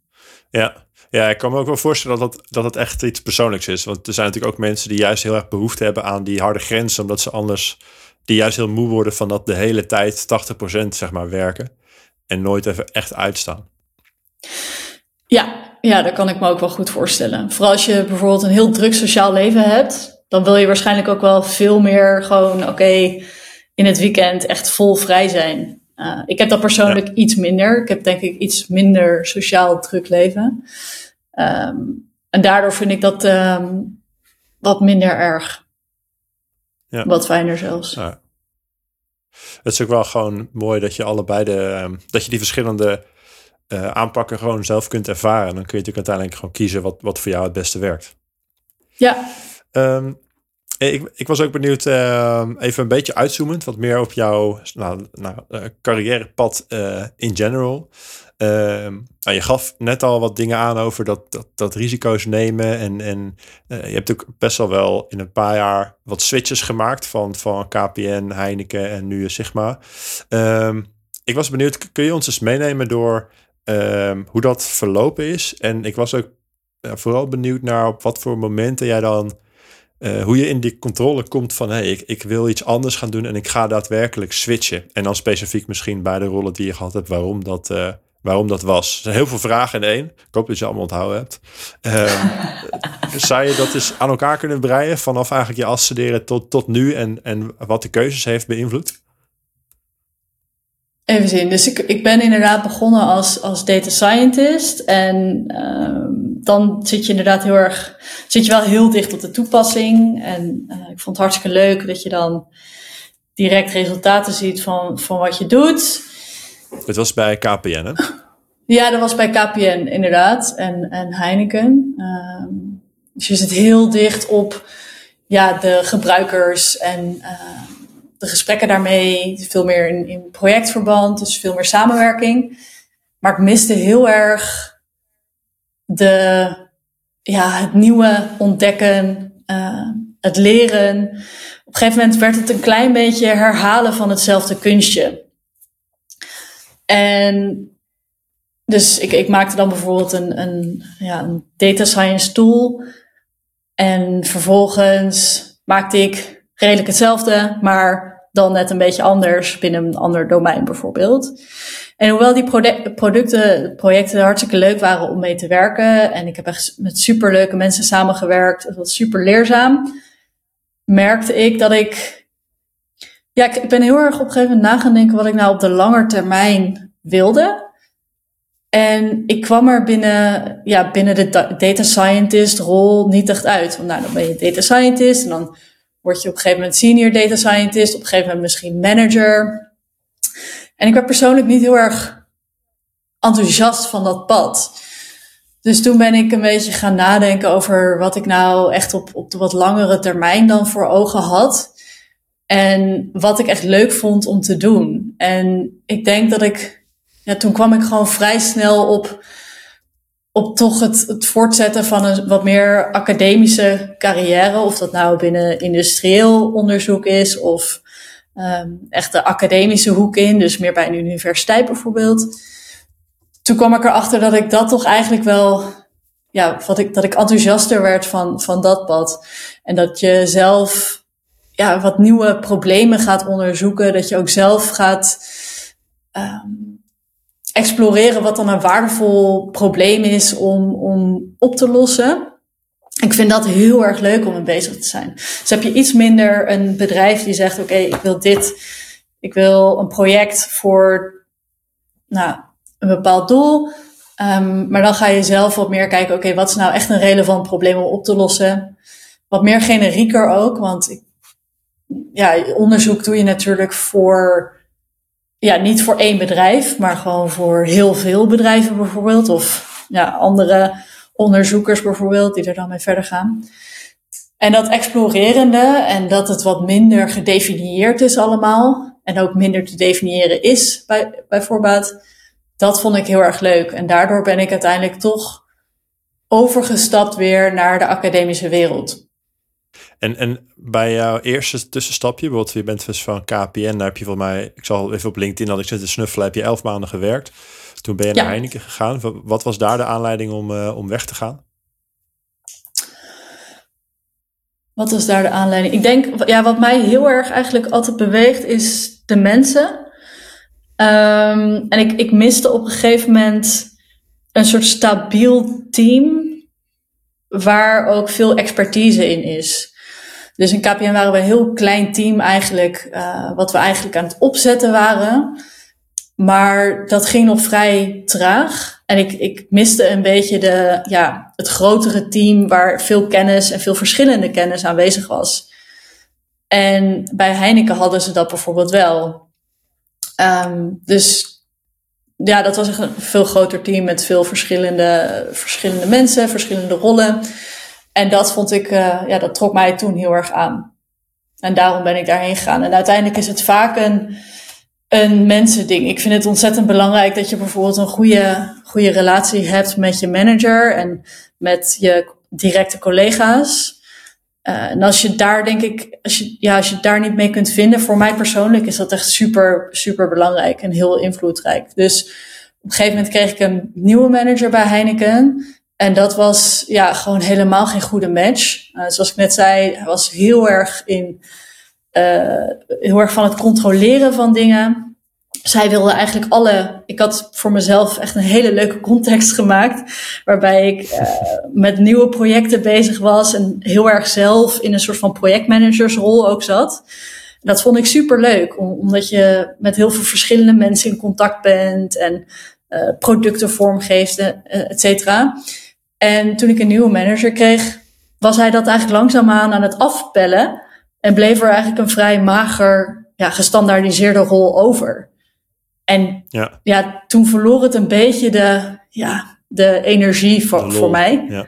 ja, ik vond dat toen veel minder leuk. En ik zie dat overal wel gebeuren. De data scientist rol wordt veel meer afgebakend. En dat is ook heel leuk. Maar dan is dat dan leuker bij een bedrijf die echt, waarbij de data science vraagstukken ook echt super enerverend zijn. Waar, waar bijvoorbeeld heel veel data is. En dat was bij Heineken niet het geval. En toen ben ik daarom ook naar Sigma gegaan. Sigma is natuurlijk een start-up, hele andere omgeving.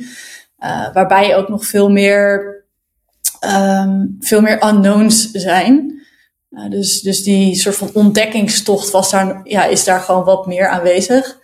Maar het is ook een softwareproduct. En dat vond ik super interessant. Om echt voor een, softwarebedrijf te werken. Want dan heb je gewoon veel meer data bijvoorbeeld. Dus zij hebben heel veel klanten heel veel data uit interacties van die klanten, maar zij hebben ook, ja, zij hebben directe toegang tot de databases van die klanten.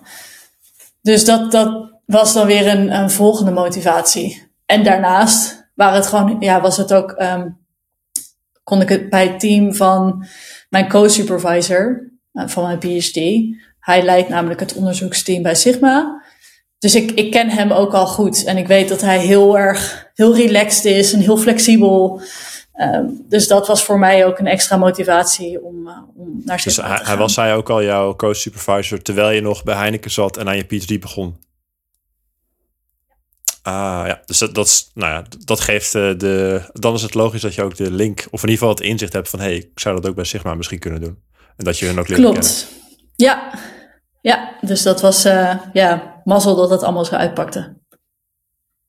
En, en heb je daar in, in die stappen bijvoorbeeld, uh, uh, kun je daar nog in herinneren wat, wat daar misschien soms wel eens lastig in was? Of bepaalde twijfels bij het, het wel of niet moeten maken van zo'n stap? Ik vond het vooral bij de stap naar Sigma en fulltime onderzoek nou, aan de ene kant stond ik daar natuurlijk om te springen. Ik vond het fantastisch dat ik dan fulltime bezig... Ja, ja, ik was fulltime daarmee bezig. Maar ik vond het wel lastig dat...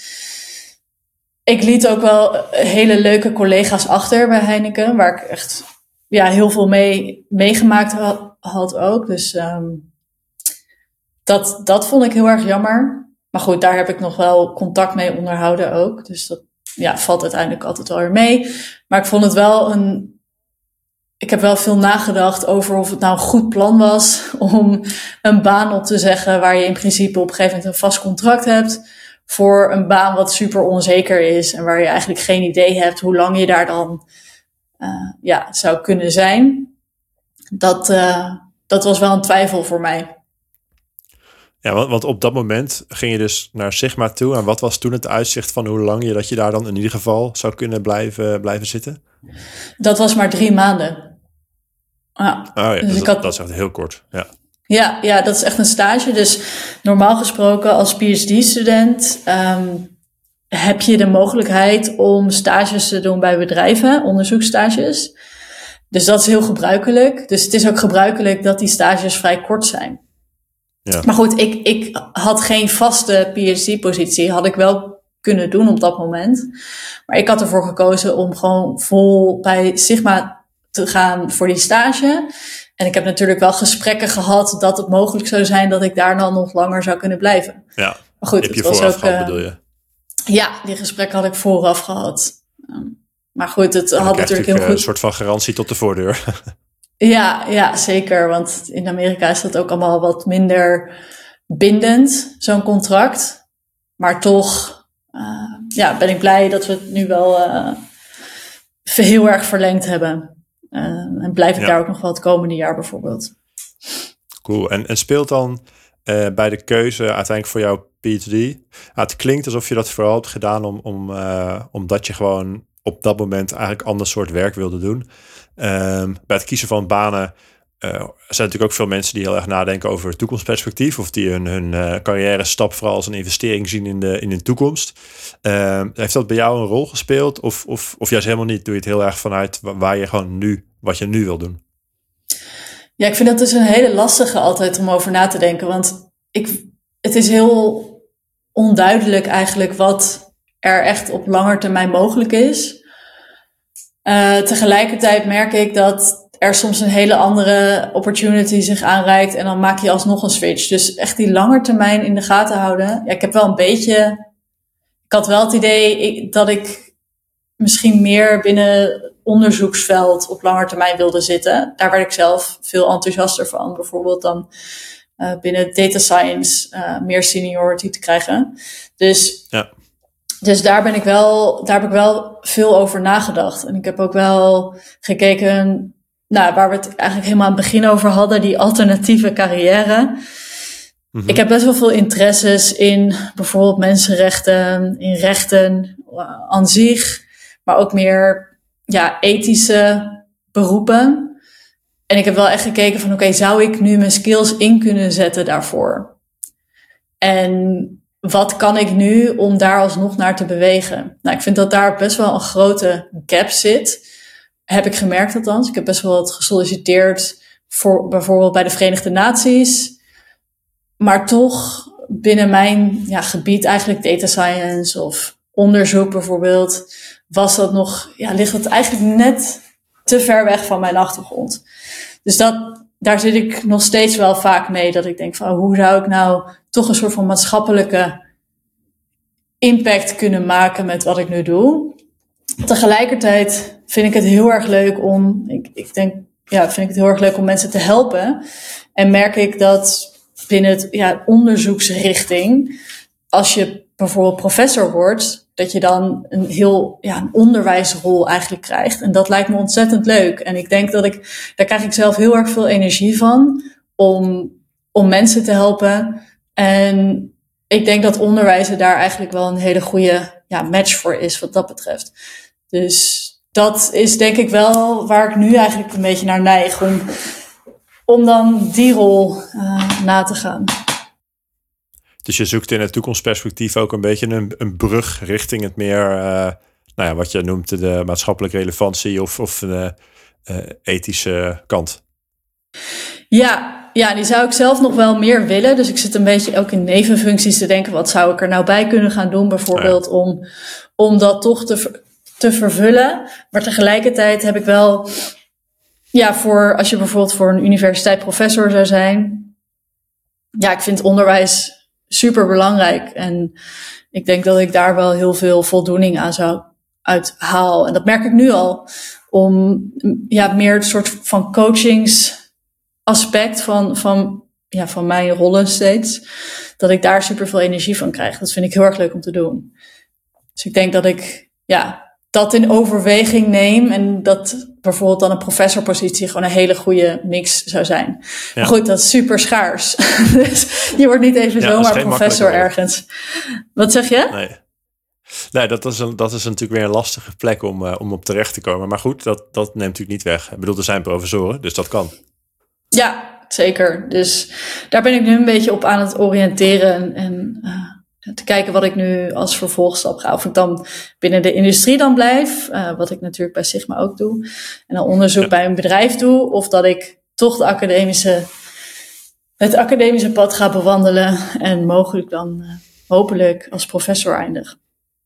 Ja, en, en de, de reden waarom je kijkt naar die academische kant, die heb je denk ik net goed toegelicht. En ook omdat dat dus een beetje de, de perspectief biedt op die nou, professorrol, of in ieder geval, waarbij je dus bijvoorbeeld uh, kan onderwijzen. Uh, maar wat weerhoud je daar dan van? Waarom zeg je niet nu gewoon, uh, nou helder, dat ga ik doen, want dat wil ik? Goeie vraag. Ik denk omdat ik weet dat ongeveer 1% van alle PhD-studenten uiteindelijk een professorrol kan krijgen. Er zijn echt heel weinig posities in Nederland. En ik heb natuurlijk een bepaalde richting. Dus dan moet je ook nog een keer een professorpositie krijgen bij een universiteit binnen de richting waar je zit. Ja. Nou, dat zijn er denk ik zes in totaal. Dus het dunt enorm uit. Oh ja. um, dus dat is eigenlijk een, een kansberekening. En ik, ik moet wel zeggen dat ik daar nu wel naar neig om dat te verkennen. Dus ik zou dat wel graag willen. Dat kan ik wel. dat kan ik wel met zekerheid zeggen. Maar ja, ik moet wel uh, verkennen wat, wat dan mogelijk is. Dus daar ben ik op dit moment ook wel mee bezig. En uh, hoe verken jij dan? Uh, want je zei net ook een keertje dat je, terwijl je nog je vorige baan had, echt ging nadenken over van waar wil ik daar long term naartoe. En ik was wel benieuwd, uh, kun je dat praktisch maken hoe jij dat, dat nadenken soort van aanpakt? Dan denk ik voor veel mensen is dat best wel, denk ik, ja, ik kan wel op een stoel gaan zitten nadenken, maar dat, dat lukt dan niet echt. Heb jij nog een soort methode of, of tips van hoe jij dat hebt gedaan om, om tot die inzichten te komen over jouw eigen ambitie voor de lange termijn? Ja, ik heb voor mezelf een, eigenlijk een lijstje gemaakt met dingen waar ik energie van krijg. Dat kunnen echt hele dagelijkse dingen zijn. Um, maar ook interesses die ik heb. Dus wat voor boeken lees ik bijvoorbeeld? En wat vind ik interessant om, op een, om mee bezig te zijn in mijn hoofd? En een ander lijstje met ja, skills of kennisgebieden die ik heb. Die heb ik een beetje opgeschreven. En vervolgens heb ik eigenlijk daaruit afgeleid ja, welke rollen daar dan omheen liggen. Nou, en toen kwam ik tot de conclusie dat de dingen waar ik echt energie van, nou, waar ik interesses in heb, dus dat ligt meer in de hoek van ethiek en filosofie, dat dat niet mhm. heel erg aansluit bij mijn achtergrond. Um, maar tegelijkertijd zijn er wel heel veel, heel veel raakvlakken. Ik bedoel, ik zou natuurlijk vanuit een computer science hoek heb je ontzettend veel ja, filosofische uh, benaderingen. Dus dat is heel erg leuk om mee bezig te zijn bijvoorbeeld. Maar en je hebt ook wel een heel, heel veld dat zich bezighoudt met fairness en ethiek van artificial intelligence bijvoorbeeld. Dus dat is wel interessant. Um, maar eigenlijk waar ik energie van krijg, dat is echt mensen leren helpen of mensen helpen. Um, ik merk, ik, ik heb wel het idee dat bijvoorbeeld met, die, met zo'n professor ambitie, dat ik daar wel aan kan voldoen. Um, ja. Dus ik denk dat, dat die lijstjes maar eigenlijk wel tot dat inzicht hebben doen brengen. Dat dat een goede match zou zijn. En ik denk dat binnen, als ik bijvoorbeeld als ja, industrieel onderzoeker zou doorgaan, op langer termijn is dit dan, hè? Dan mhm. zou ik eigenlijk die interesse zou ik overslaan. Dat zou ik veel minder hebben. Ja, tuurlijk heb je dan wel uh, junioren die je dan zou coachen of mentoren op je, op je, ja, als mhm. onderdeel van je, je bedoelt, rol. Dan zou je die interesse in onderwijs of in, in coaching, die zou je dan minder, uh, minder kunnen benutten. Ja, ja, dus ik krijg heel veel energie om mensen echt te helpen. En ik denk dat dat, dat onderwijs, ja, dat, dat daar wel het dichtstbij komt. Ja. klinkt ook wel logisch. En het klinkt ook wel als een goede methode. Dat is, want dat is, nou, denk ik, voor iedereen soms een beetje zoeken. En eh, doe je dat uh, nog structureel op een bepaalde manier? Of, of dat je vaker jezelf dit soort vragen stelt? Of is dat meer, moet daar een aanleiding voor zijn? Nee, ik heb, dat, ik heb dat lijstje gemaakt voordat ik volgens mij de stap zette naar Sigma. Dus eh, op een gegeven moment kwam ik op een punt dat ik dacht, ja, wat wil ik nou eigenlijk? En uh, op lange termijn, op korte termijn, wat, waar krijg ik nu energie van? Wat vind ik nu interessant? Uh, dus ik, ja, ik heb dat lijstje destijds gemaakt één keer. Nou, goede vraag. Ja. Moet ik dat misschien toch nog een keertje doen op een gegeven moment? Maar ik heb dit nu wel scherp in mijn, in mijn hoofd zitten. Dat ik, dat, ja, dat ik die aspecten gewoon heel erg interessant vind. En dat ik daar misschien een beetje naartoe wil bewegen. Maar ik vind het heel lastig om ja, om, om daar nou echt op de lange termijn uh, op te plannen. Ik bedoel, hoe, ja, hoe doe jij dat? Heb jij daar zelf een, uh, een benadering voor of doe je er zelf iets aan? Nee, ik denk dat dat een goede vraag is. Kijk, op de, persoonlijk, ik twijfel nog of het nuttig is om echt heel ver vooruit te plannen, omdat je ook niet weet wat er allemaal voorbij gaat komen. En er is een hele mooie Steve Jobs lezing, geloof ik, bij zo'n uh, afstudeerders ergens in Amerika, waarin hij zegt van eigenlijk kun je pas achteraf het, het pad begrijpen wat al je stappen zeg maar bij elkaar uh, vormt. Um, en dat, dat vind ik eigenlijk logischer klinken. Dus, dus dat je een beetje op een iets kortere termijn wel een beetje vooruit plant, wel nadenkt, maar dat de, nou ja, de grote lijn zich uh, vanzelf wel openbaart als die al, uh, als die al is geweest. Um, in plaats dat je nu gaat ja, plannen voordat je over 40 jaar uh, iets wil doen of zijn. Uh, want daar zit ook een enorm risico in, denk ik, dat, dat die hele baan dan niet meer relevant is. Of, of dat je halverwege met, iets met je gebeurt waardoor je dat niet meer kan doen of zo. Uh, dus dat zou toch, ja, ik persoonlijk denk dat dat dan zonde is. Uh, wat ik wel heel interessant vind, is juist wat jij nu ook hebt gedaan, is dat je actief bezig gaat met uh, opschrijven van wat zijn mijn interesses en waar wil ik naartoe. Ehm, en nou, op het moment dat, wat zoals jij het hebt gedaan, op het moment dat er een aanleiding voor is, dat is sowieso een goed startpunt. Uh, maar wat ik ook interessant vond, uh, in een andere uh, interview voor deze podcast sprak ik met Stijn, Stijn Jansen. En, en die legde juist uit dat hij dat vrij periodiek doet. Dus die heeft een soort schema waarop hij elk kwartaal, geloof ik, een soort van review doet. Ehm, en soms zelfs elke week, maar dan dat is meer op een microniveau. En daarna elke kwartaal bekijkt van wat heeft mij nou in de afgelopen weken energie gegeven. En zo probeert hij het heel concreet te maken. En vanuit daar nog eens te kijken van oké, klopt mijn beeld dan nog van mezelf? Of, of zijn er misschien andere dingen bijgekomen? Uh, en dat heb ik nog niet gedaan, maar ik vond dat wel een hele iets wat als een wijze activiteit klonk. Uh, dus ik denk wel dat ik dat ga doen.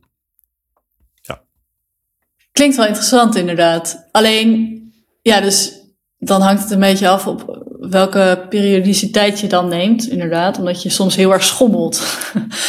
maar het is altijd goed, inderdaad, om, om dat wel een beetje in de gaten te houden. Ja. Interessant om dat op een gegeven moment nog een keer te doen. Ja, cool.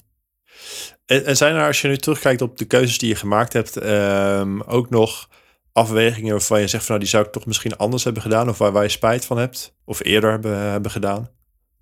Ja, op dit moment ben ik eigenlijk best wel tevreden met, um, met de keuzes die ik gemaakt heb. Mm, maar ik heb wel bijvoorbeeld, ik, vraag me soms wel een beetje af, maar ik denk dat ik daar pas uh, over uh, ja, een aantal jaar op terug kan kijken. Maar ik vraag me soms af of ik nou niet direct met een PhD had moeten beginnen. Aan de andere kant, zeg maar, ja, ik bedoel, ik ben natuurlijk nu 2,5 jaar data scientist geweest. En dat was hartstikke leuk. Maar uiteindelijk ben ik toch met een PhD verder gegaan. Dus eigenlijk zou je dat kunnen zien als een soort van vertraging. Tegelijkertijd is die ervaring wel heel erg relevant en nuttig geweest. Dus ja, misschien is spijt dan ook weer niet het goede woord daarvoor. En eigenlijk ben ik er ook wel heel erg uh, tevreden over, over die stap. Ja. Maar dat is wel een vraag die ik mezelf stel. Van ja, had ik dat dan wel moeten doen? Want dat was eigenlijk heel korte termijn ook uh, bedacht. Ik dacht van ja, ik, ik vind het nu leuk om met toepassingen bezig te zijn. Terwijl ik dat eigenlijk bij een PhD ook heel erg heb. Ik kan ook een PhD doen en dan heel erg de toepassing opzoeken bijvoorbeeld. Maar ja, dan word je toch een veel ja, aantrekkelijker salaris bijvoorbeeld gegeven. En een hele interessante ja. uh, context, weet je. Dat je met mensen samenwerkt. Dat vond ik heel erg leuk. Ja, toen toch soms denk ik van ja, was dat nou een beetje een korte termijn keuze? Of ja, maar achteraf ben ik er erg tevreden over. Maar ik weet niet of ik dat nou nog een keer over had gedaan. Nee, precies. En, en het is natuurlijk ook altijd moeilijk te zeggen wat je daar dan. Want ik kan me voorstellen dat je daar stiekem ook best veel van hebt geleerd. Gewoon als eerste baan en voor het eerst in die werkcontext. Uh, en dat het dan misschien niet superveel had uitgemaakt waar je het hebt gedaan. Omdat je gewoon ook wat algemene dingen misschien toch wel oppikt. Die je dan nu weer ervoor zorgen dat je bij wijze van spreken je PhD soepeler doet of zo. Ja, ontzettend. Heel erg gestructureerd werken bijvoorbeeld. Uh, plannen. Ja, ontzettend veel dingen van geleerd die ik heb gebruikt voor mijn PhD. Dus dat maakt het ook weer dat ik er niet echt spijt van heb. Nee. Maar ik zit soms wel met het vraag van ja, okay, hoe, hoe, in hoeverre moet je nou echt op de lange termijn plannen? Nou, wat je zelf zegt, ik weet ook niet of dat nou echt haalbaar is en of, echt, of dat nou handig is om te doen.